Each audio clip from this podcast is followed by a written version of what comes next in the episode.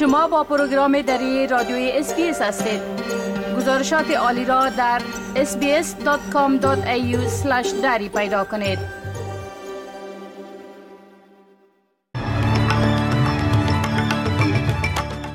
با عرض سلام ما صاحب شکیب شما را به شنیدن تازه ترین اخبار امروز دوازده ماه آگست سال 2023 از برنامه دری رادیوی اسپیس دعوت کنم. شمار کشته شده ها در آتش سوزی های جنگلی ویرانگر در جزیره ماوی ایالات متحده به 67 نفر افزایش یافته است. با اظهارات اخیر زلمه خلیلزاد نماینده سابق امریکا برای افغانستان مبنی بر اینکه حکمرانی طالبان جنبه های مثبت و منفی دارد عکس عمل شدید ابراز شده حامیان پناهندگان از افزایش میزان سالانه مهاجرت بشردوستانه استرالیا استقبال کرده اما خواهان افزایش بیشتر هستند تفصیل اخبار شمار کشته شده ها در آتش سوزی های جنگلی در جزیره ماوی ایالت هاوایی ایالات متحده به 67 نفر افزایش یافته است. پس از آن که آتش سوزی تقریبا همه شهر تفریحی لاهاینا را نابود کرد صدها نفر تا هنوز مفقود هستند و هزاران نفر به خانمان شدند بعضی از ساکنان می‌گویند که آنها هشدار کمی در مورد این آتش سوزی دریافت کردند و گزارش های وجود دارند که می‌گویند هیچ زنگ خطر فعال نگردید. ریچارد بیسن شاروال شهرک ماوی می‌گوید که اجساد کشف شده مردمی هستند که در بیرون از خانه جانهایشان را از دست دادند. That was the number that they found uh, people who were outside of the buildings. Uh, so we have not yet searched uh, in the interior of the buildings. We're waiting for FEMA uh, to help with that search uh, as they are equipped to handle the uh, the hazmat conditions of of the buildings that have that have been burned. لین رابیسن ساکن لاهاینا میگوید که او و چند نفر دیگر به شمول یک توریست استرالیایی برای فرار از آتش به سمت اقیانوس دویدند. We saw the flames and we were, went down, ran down to the ocean, you know. And uh, we met up with another local guy we knew and an Australian tourist from a Pioneer Inn. And we just kind of went into like military combat mode, you know, watching the fires and, you know, just kind of, just kind of taking the shoreline and heading as far out as we could. And then we camped. And when we woke up in the morning, everything was just aflame all around.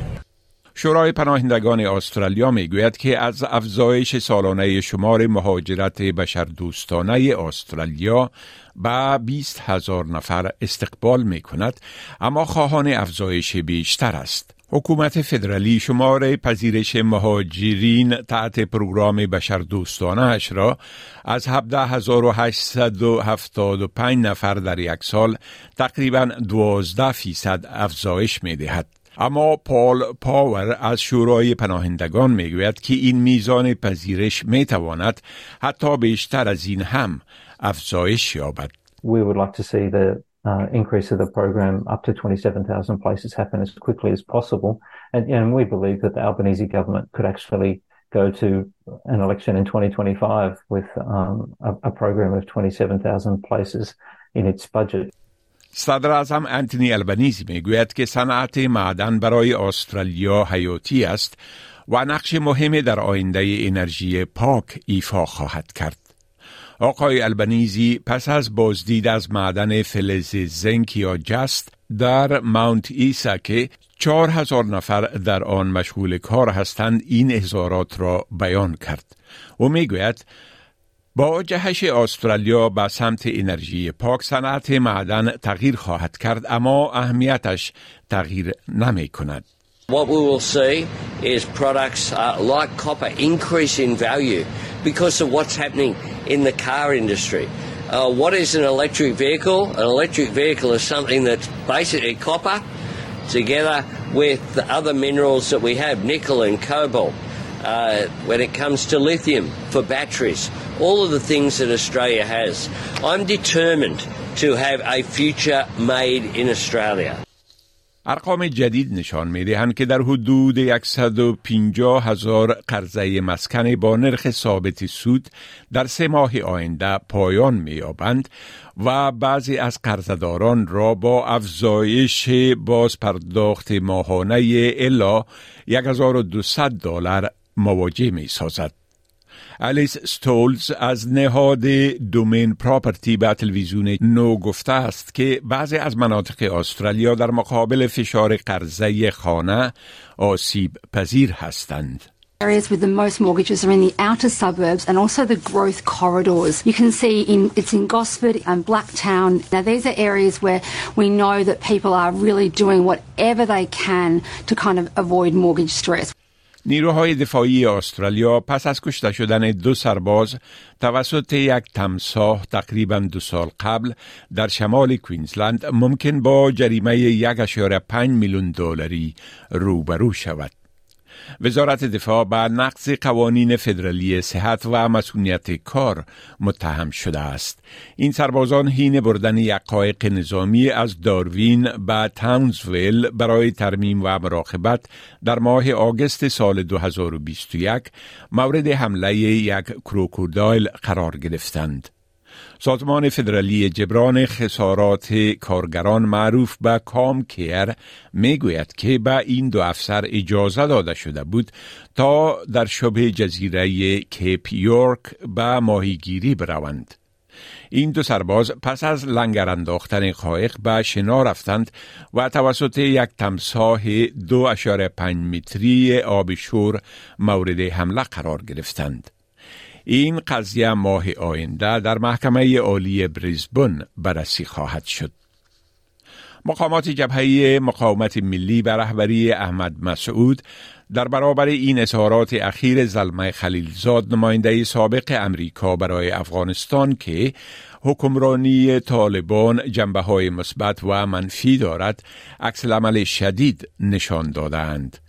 طبق یک گزارش صدای امریکا آقای خلیلزاد در مصاحبه با تلویزیون افغانستان اینترنشنل گفته است که هنوز قبل از وقت است که در مورد اعمال گروه طالبان نتیجه گیری کرد.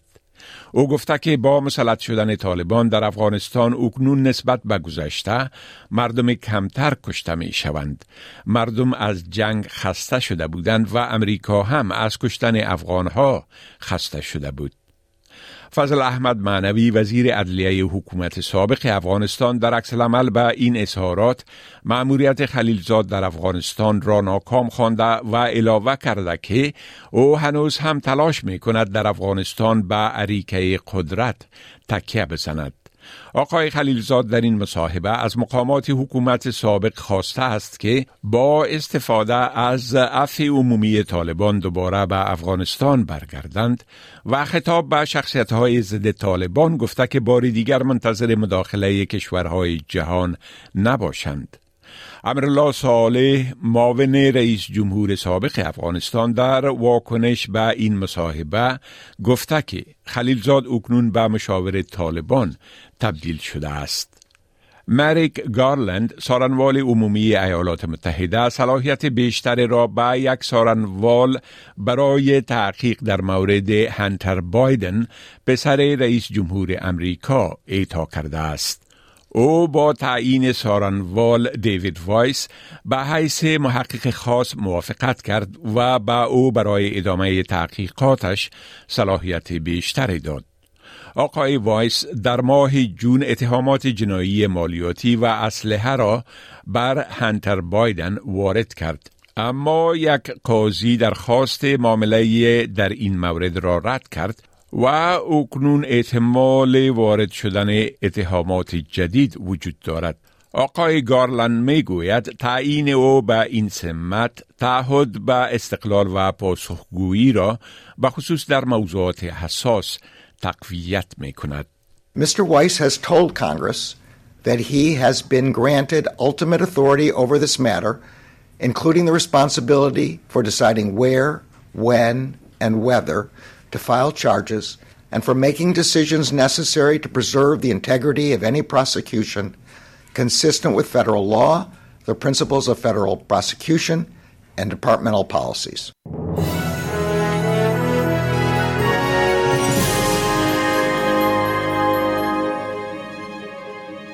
حال اخبار ورزش ارزش دلار استرالیایی در برابر اسعار جهان و وضع هوا برای فردا تیم ملی فوتبال زنان استرالیا ملقب به متلدز ساعت پنج بعد از ظهر امروز به وقت شرقی استرالیا با مجرد پایان یافتن برنامه ما با تیم فرانسه در مرحله یک چهارم نهایی یا کوارتر فاینال در استادیوم بریزبن به مقابله می پردازد. تانی گستافسن مربی تیم استرالیا می گوید که کپتان تیم سامکر در صورتی که برای انجام کامل بازی سالم تشخیص داده شود از آغاز در این مسابقه شرکت خواهد کرد. در این ضمن اسپانیا و سویدن به مرحله نیمه نهایی جام جهانی فوتبال زنان پیشرفت کردند. تیم اسپانیا دیروز تیم هالند را با نتیجه دو گل در مقابل یک شکست داد و تیم سویدن هم در مسابقه هیجان انگیز در مرحله quarter final با نتیجه دو در مقابل یک گل بر تیم ژاپن پیروز شد.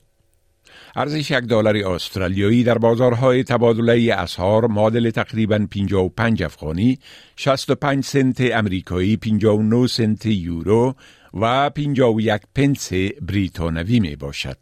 و حال پیشگویی هوا در شهرهای عمده استرالیا برای فردا. ملبورن ابرالود 13 درجه سانتیگراد سیدنی بارش 17 درجه سانتیگراد کمبرا کم بارش 14 درجه سانتیگراد برزبن آفتابی 28 درجه سانتیگراد ادلید کم بارش 16 درجه سانتیگراد پرت آفتابی 19 درجه سانتیگراد هوبارت ابرالود 11 درجه سانتیگراد و داروین آفتابی 33 درجه سانتیگراد این بود تازه ترین اخبار از پروگرام دری رادیوی SBS